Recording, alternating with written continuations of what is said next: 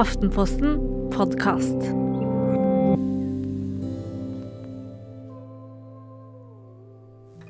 Barnet mitt er to og et halvt år og sier kun enkeltord. Og bare når det selv ønsker. Jeg ser andre barn i samme alder som formulerer setninger og synger. Er det noe gærent med barnet mitt?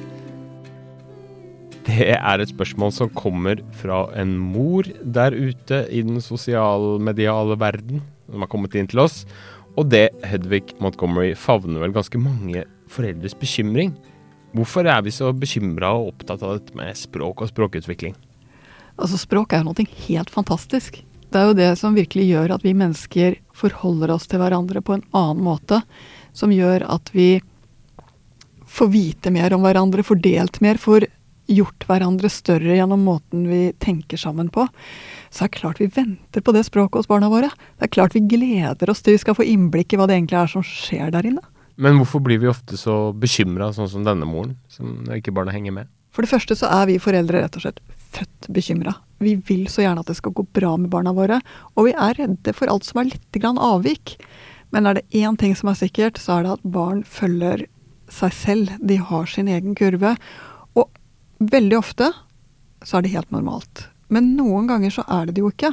Og det å fange opp når er det det ikke, er jo en av hovedoppgavene til oss foreldre. Ja, og Det første man jo har en tendens til å gjøre når man føler et eller annet avvik, det er jo å gå rett inn på Dr. Google. Og man blir jo ikke mindre stressa av hvis man går inn der, heller ikke når det gjelder språk. For da kommer man fort fram til sånne normalitetstabeller. Man kan finne ut at f.eks. av typen ved to års alder brukes subjekt og verb sammen, behersker 100-250 ord og behersker setninger med tre ord og bla, bla, bla. bla. Så hva er det egentlig som er normalt, hvis du skal begynne liksom fra begynnelsen? Altså Det som er så fascinerende med språkutviklingen, er at barna helt fra de er nyfødte, altså fra det der første lille smilet på stellebordet, når du får den der øyekontakten og, og det skjer noe mellom deg og barnet, så begynner barnet med noe veldig fint, nemlig en liten dialog. Uten ord. De begynner å ta tur, de smiler. Så venter de på at du skal smile. Du smiler tilbake, du er jo kjempebegeistret. Og når du venter på å få et lite svar tilbake, bare svar noen ting, så får du et strålende smil tilbake igjen, og dialogen er i gang. Så allerede fra barna er nyfødte, så ser vi en sånn rett og slett interaksjon. Du og jeg, vi snakker sammen. Så fort barna kommer ut av den der verste magetåken som de er i de første ukene, når de er nyfødte. Eh, så allerede der ser vi kimen, og så er det jo fint, for så kommer etter hvert bablingen og pludringen. Og en av de tingene jeg også syns er helt fascinerende, det er at barn babler på sin dialekt, faktisk. Sånn at du kan høre forskjell på en baby som er seks måneder, om den er kinesisk, eller om den er norsk, eller om den er engelsk, eller om den er thai. Alle barn har sine, sin språkmelodi som kommer fra morsmålet.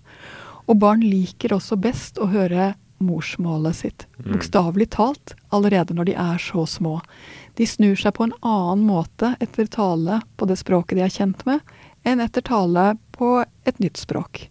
Så så tidlig ligger altså denne språk... De små språkfrøene ligger der så tidlig. Og jeg vet at vi venter, og vi venter på det første ordet. Og vi håper inni oss at det skal være mamma, eller det skal være pappa. Ja.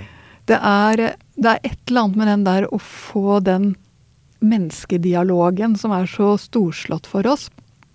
Og som gjør at når det første ordet kommer, som er vanligvis rundt ett års alder, så kjennes det fantastisk ut. Og så må jeg også si en ting til, bare for å dempe litt den fantastiske gleden her. Fordi det første ordet er ikke alltid pappa eller mamma.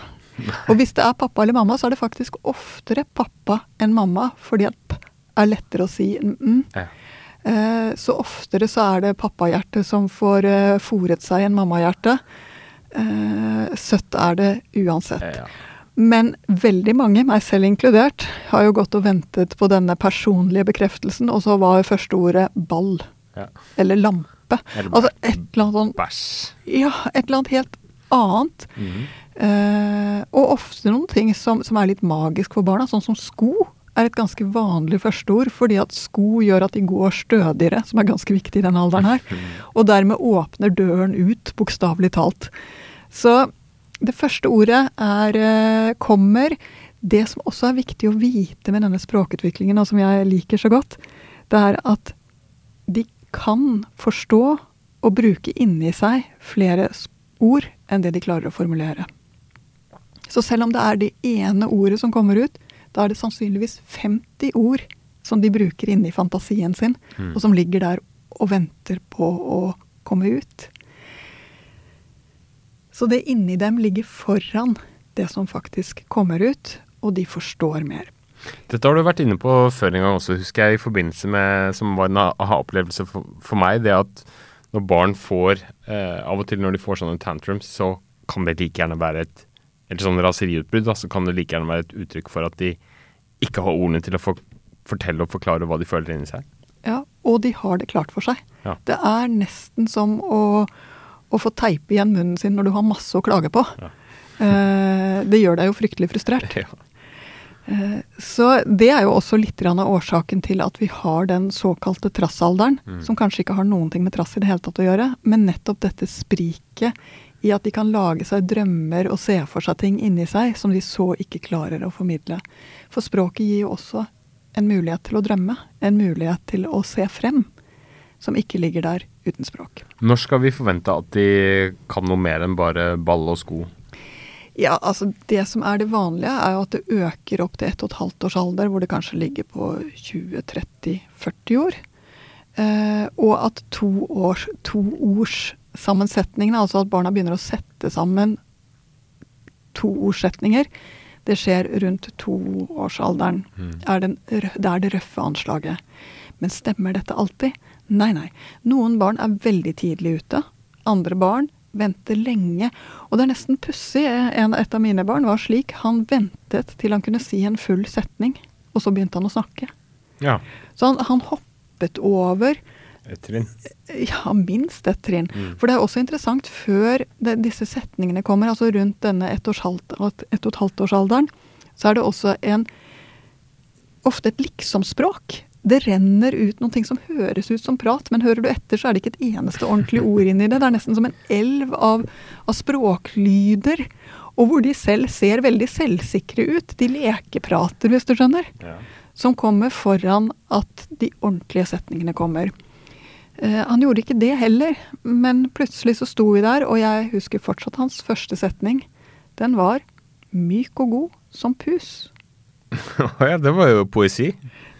Vi sto i køen på Ikea. Jeg hadde nektet ham et kosedyr som lå der ved kassene. Det var en, eh, en isbjørn som så litt uh, vannsiret ut, syns jeg.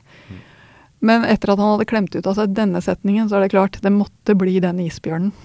Det måtte jo det. Så barn er veldig forskjellige. Gutter snakker i snitt senere enn jenter.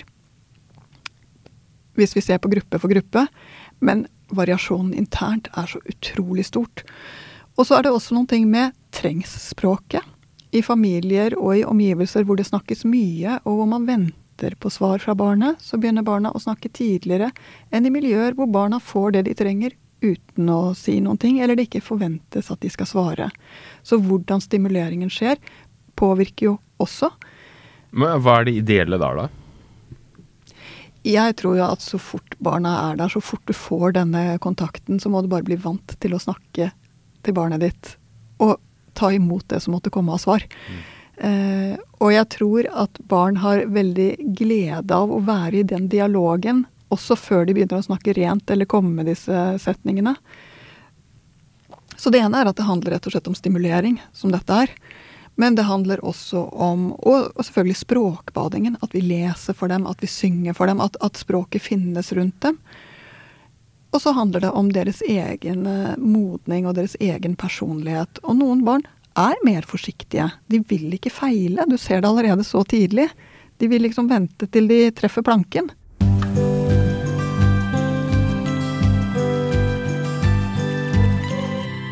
Det er sikkert noe gærent med meg, men jeg eh, blir litt sånn irritert inni meg av uh, foreldre, og meg selv inkludert, hvis man begynner å snakke sånn veldig sånn Altså, Hvordan er det mest riktig å kommunisere med sånne små barn med voksen, vanlig voksenstemme? Litt mild og, og, og oppstemt, helst, da? Eller sånn Hva er mest riktig?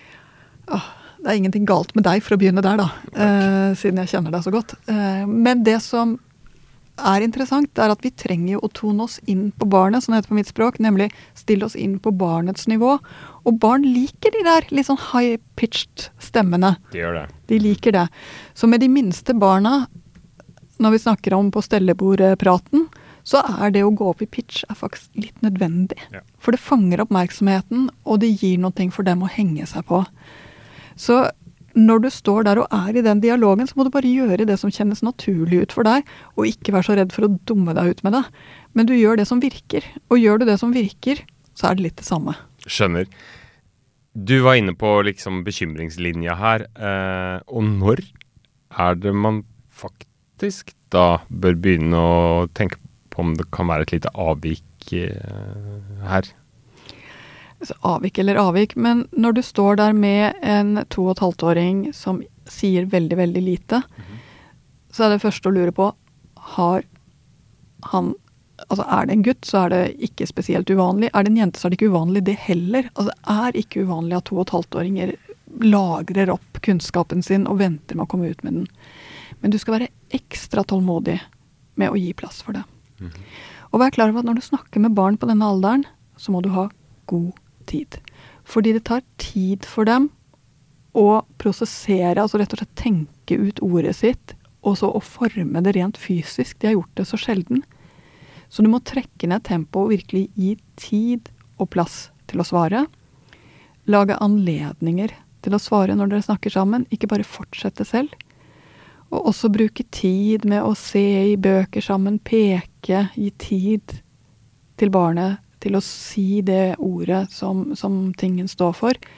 Rett og slett trekk ned tempoet, fordi det trengs sannsynligvis mer tid for å få ut språket hos dette barnet. Mm.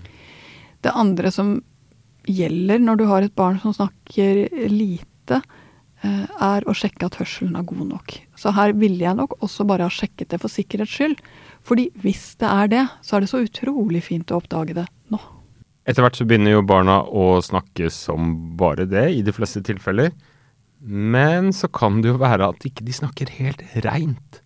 Og typisk da er jo denne r-en. Når må man liksom begynne å tenke på om dette er noe man aktivt må gjøre noe med? Eller vil det i de aller fleste tilfeller bare gå seg til, før eller siden? Det vil gå seg til. Eh, Du bør kanskje fortsette å bruke r-en riktig selv. Men barn snakker forbløffende likt sine eh, omgivelser etter hvert. Så det er ikke noen grunn til å verken korrigere eller stresse med. Og noen barn har, eh, snakker som lerkefugler med r-er som slår, og andre gjør ikke det. De havner et eller annet sted som er helt akseptabelt midt på treet til slutt allikevel. En eh, annen ting eh, er når barna etter hvert begynner å bli ganske språkmektige. Så plutselig begynner de å liksom gjør seg til med sånn babyspråk. Og det er forferdelig irriterende! For en mann som ikke er så glad i å snakke babyspråk selv, så, så skjønner jeg at det nesten tar deg off guard. Ja, det slår jeg ned på. Jeg sier prater ikke babyspråk, men det er sikkert helt feil. Skal jeg bare ignorere det, egentlig? Altså Når de snakker med babyspråk, så er det uttrykk for at de nå kan begynne å leke med forskjellige roller og, og, og begynne å virkelig skjønne sin egen identitet. Så det er egentlig et godt tegn. Jeg beklager å si dette her. Sorry, sorry. Eh, Det er egentlig fint, eh, men at det er irriterende, ja, det skal være helt sikkert. Og noen barn griper jo veldig til den når de er slitne eller har det dårlig. De rett og slett sklir nedover, og det er helt vanlig. Jeg tror ikke det hjelper så mye å kjefte på dette her, i hvert fall ikke på lang sikt, men på kort sikt kanskje. Jeg vet ikke. Nei. Nei. Vanlig er det i hvert fall. Ja.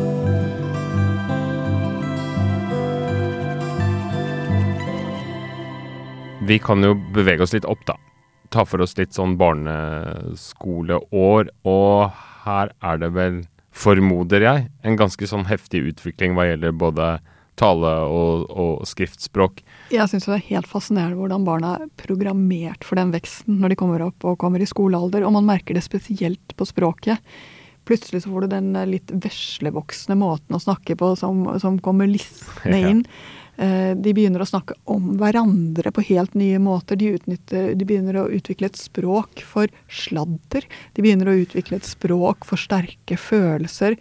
De begynner å utvikle et språk som også strekker seg innover i hva de skal bli for noen ting. Det er veldig fascinerende å være med på denne reisen. Hva som ruster dem? Det finnes faktisk et kort svar på dette her, og det er litteratur. Ja. Det å lese historier som fenger dem, som viser språkets, og også dermed verdens muligheter, gjør dem veldig, veldig godt. Mm.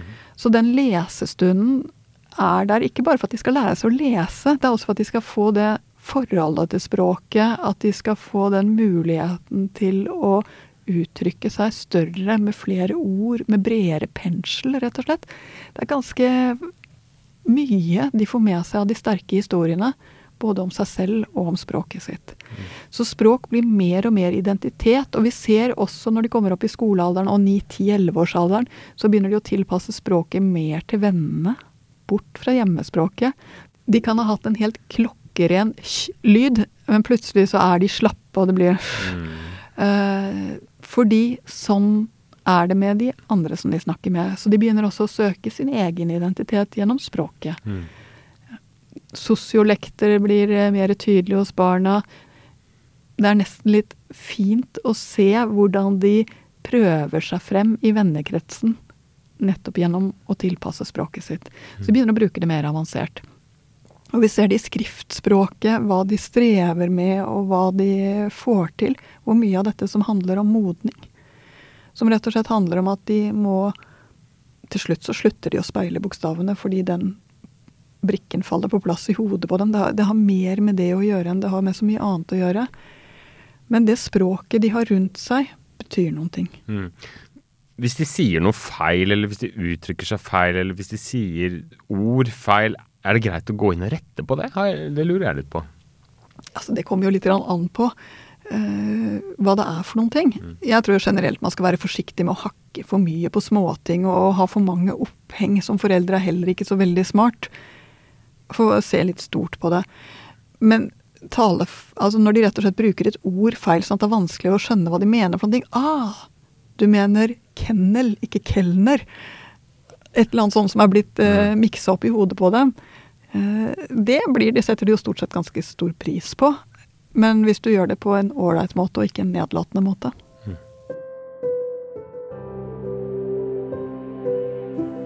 Jeg har opptil flere venner, eh, familier, hvor barna kan flere språk eh, fra, fra, ung alder, og det er jo veldig imponerende. Det kom sannsynligvis ikke uten en kostnad. Hva er trikset i familier da, med, som har små barn, som vil at de skal eh, lære seg eh, både mors og fars morsmål, hvis det er det som er eh, relevant? Eh, hva er det som liksom, hvordan skal man fostre den utviklinga der? Altså Det er jo helt fascinerende. Vi vet at det å kunne flere språk som sitt morsmål er en fantastisk fordel. Det fører til eh, større utvikling av hjernen, rett og slett. Så du, mm. du bidrar litt til smartheten gjennom det. Men i første rekke så åpner du jo verden. Du åpner familien og gjør det lettere for barn å omgås med flere i familien. Du, du gir barnet flere muligheter, rett og slett, som er veldig, veldig fine. Og du gir barnet mer kultur. Mm. Så når jeg sier det sånn, så høres det ut som noe vi absolutt alle burde drive med. Eh, og svaret på det at det er det nok ikke. Fordi det er en utrolig krevende ting. En av de tingene vi vet nå, det er at det er ganske stor forskjell, eller det er ikke bare ganske stor, det er en stor forskjell på tidlig tospråklighet, dvs. Si når barnet vokser opp med to språk side om side, og når barnet først har lært seg ett språk, og så lærer seg ett språk til, som er en sen tospråklighet. Og vi vet at den tidlige tospråkligheten er den som gjør at du helt sømløst kan gå mellom to språk, tenke på to språk, uttrykke deg helt parallelt godt på to språk. Mens sene tospråkligheten, så vil du stort sett ha barn som bruker litt krefter på å gå fra det ene til det andre, vil bruke litt eh, energi på denne omstillingen, som gjør at det ikke er så sømløst. Og hva er det for noe jeg skal inn på nå? Jo, det er at denne tidlige tospråkligheten, denne ekte tospråkligheten, krever jo faktisk at barnet har tilgang på begge språkene helt fra fødselen av. at det synges på begge språk, at det koses på språk, begge språk, at det trøstes på begge språk, at det snakkes på begge språk, at man ser TV på begge språk. Altså hele den der språkbadingen må skje parallelt med begge språkene. Og det sier seg selv, det er ikke gratis. Det tar en del tid. Og det tar, krever en del av hjemmet rett og slett å, å få til dette her. Det er ikke akkurat det du gjør når du står der og, og kanskje står der med en nyfødt baby og en treåring. så det er travelt, liksom. Mm. Eh, men i familier hvor to eller tre språk brukes om hverandre, så kommer denne ekte tospråkligheten etter hvert hos barnet. Ganske vanlig at de begynner å snakke litt senere. At det tar litt lengre tid å få formet og, og valgt ut ordene. Mm. Eh, men når det så kommer, så kommer det ofte hulter til bulter på språkene. Det kan være at eh, barnet i lengre tid bruker også sitt eget selvkonstruerte språk. Mm. Eh, så man kan få mange rare utfall, men, men, holder man ut, så får du en tospråklighet som, som er veldig godt rota. Ja, og når det begynner å dette på plass, uh, hvordan liksom holder man det ved like? Ja, Det er jo litt interessant, fordi det trengs å brukes parallelt videre. Eh, så man må ikke gi opp og tenke at nå fikk vi det til det, eller dette var altfor slitsomt, nå har vi gitt dette. Du må fortsette med denne doble tingen. Og det er også interessant fordi for å få de språkene til å fungere som fullverdige språk, så må de også fortsette å utvikles, akkurat som det er med ett morsmål. Finne ord for følelser på begge språk, finne ord for bærbusker på begge språk. Altså det, du må fortsette med denne parallelliteten. Og så må jeg si at jeg ser en felle i de tospråklige familiene egentlig to. Mhm. Hva da? Den ene det er at man blir så opptatt av denne språklæringen at barna ikke får lov til å få en normal språkutvikling ved at de liksom prøver og feiler og babler seg frem til et språk. Man blir liksom opptatt av å korrigere hele tiden. Men barn lærer seg ikke språk gjennom korrigering. Barn lærer seg språk gjennom å bruke dem mm. og, og få lov til å komme seg videre, altså at innholdet blir forstått. Så det er en felle. Ja. Den andre fellen er å forlange svaret på ditt foretrukne språk. Eh, du står der og sier noen ting til barnet på f.eks. tysk, og så vil du ha svar på tysk, men barnet svarer på norsk eller på engelsk eller hva vet jeg. Og da uh, sier du nei, du må svare på tysk siden jeg snakker til deg på tysk. Uh, det fungerer veldig, veldig dårlig. Da stokker det seg helt for barna. Du må rett og slett la de språkene dere bruker i hjemmet, få lov til å være likverdige. For bare på den måten så vil barnet få et godt forhold til de to eller tre språkene dere bruker.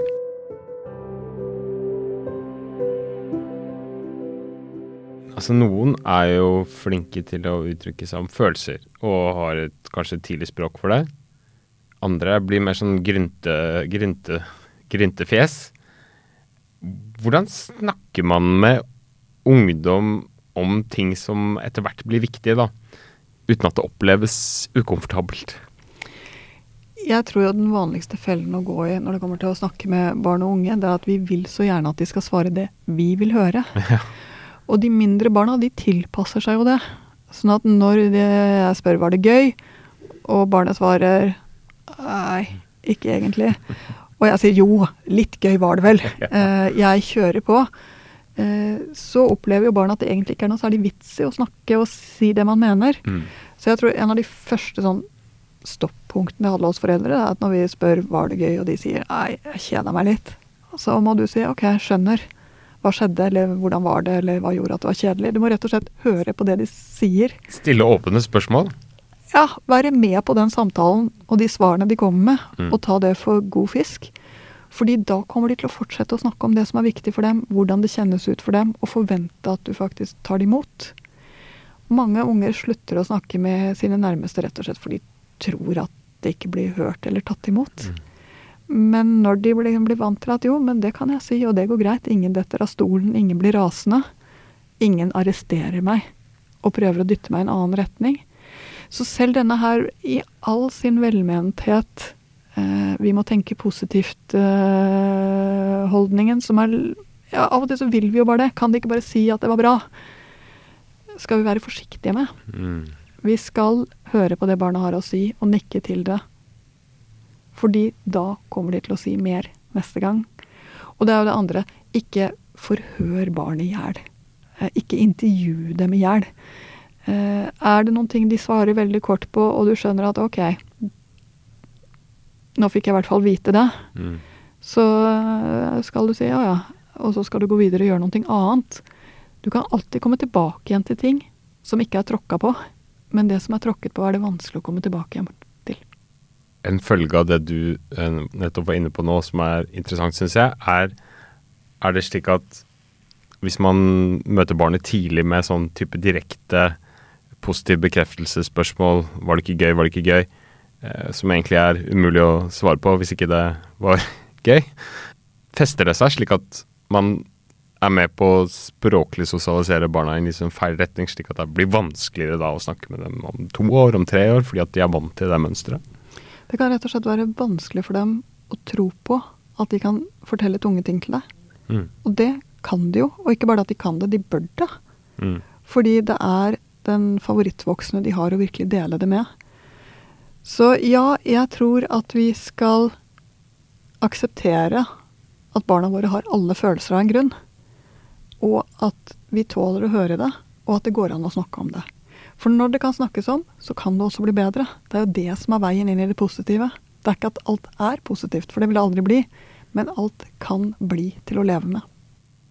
Jeg tar et direkte spørsmål til på tampen fra en eh, lytter. Det er en mamma til en tiåring eh, som forteller at eh, datteren ser stor ut, men skjønner ikke alle ord likevel.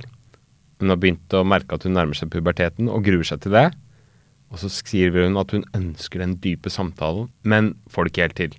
Det er liksom satsen som er vanskelig her, da. Det blir mer mas. Og så kommer spørsmålet om går det bra, er du sikker, vil du ha en donut? Snakke rundt det, da, tydeligvis, uten at det liksom nærmer seg det som hun vil. Hvordan, hvordan går man fram i sånne situasjoner for å nå ordentlig inn, da? Å, for en fin situasjon, og for en fin mamma. Jo, det som er litt fascinerende, det er at pubertet ligger der som noen ting helt uforståelig til du står der. ja. Og det betyr at når vi så gjerne vil snakke med barna våre om noen ting som de ikke har vært i ennå, så blir det veldig vanskelig for dem. For de skjønner ikke helt hva det er for noe du vil.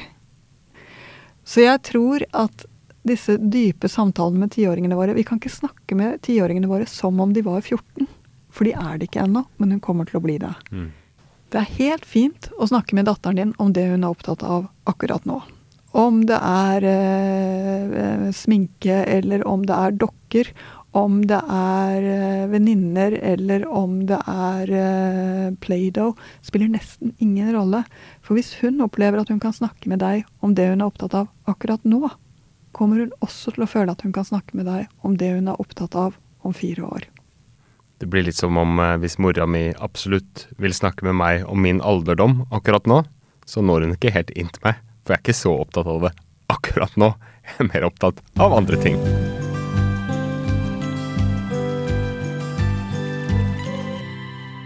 Hedvig Montgomery, hvis du skal komme med ett sånn universelt språkbudskap til foreldre som eh, vil at barna skal bli språkkunniga, som det heter på ditt morsmål, hva vil det være?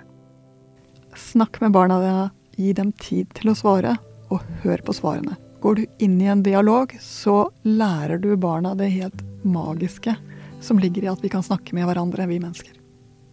Det var det vi hadde for i dag. Takk for at du hørte på. Takk for de flotte lytterne som sendte inn vettuge og interessante spørsmål. Vi høres igjen neste mandag. Ha det bra.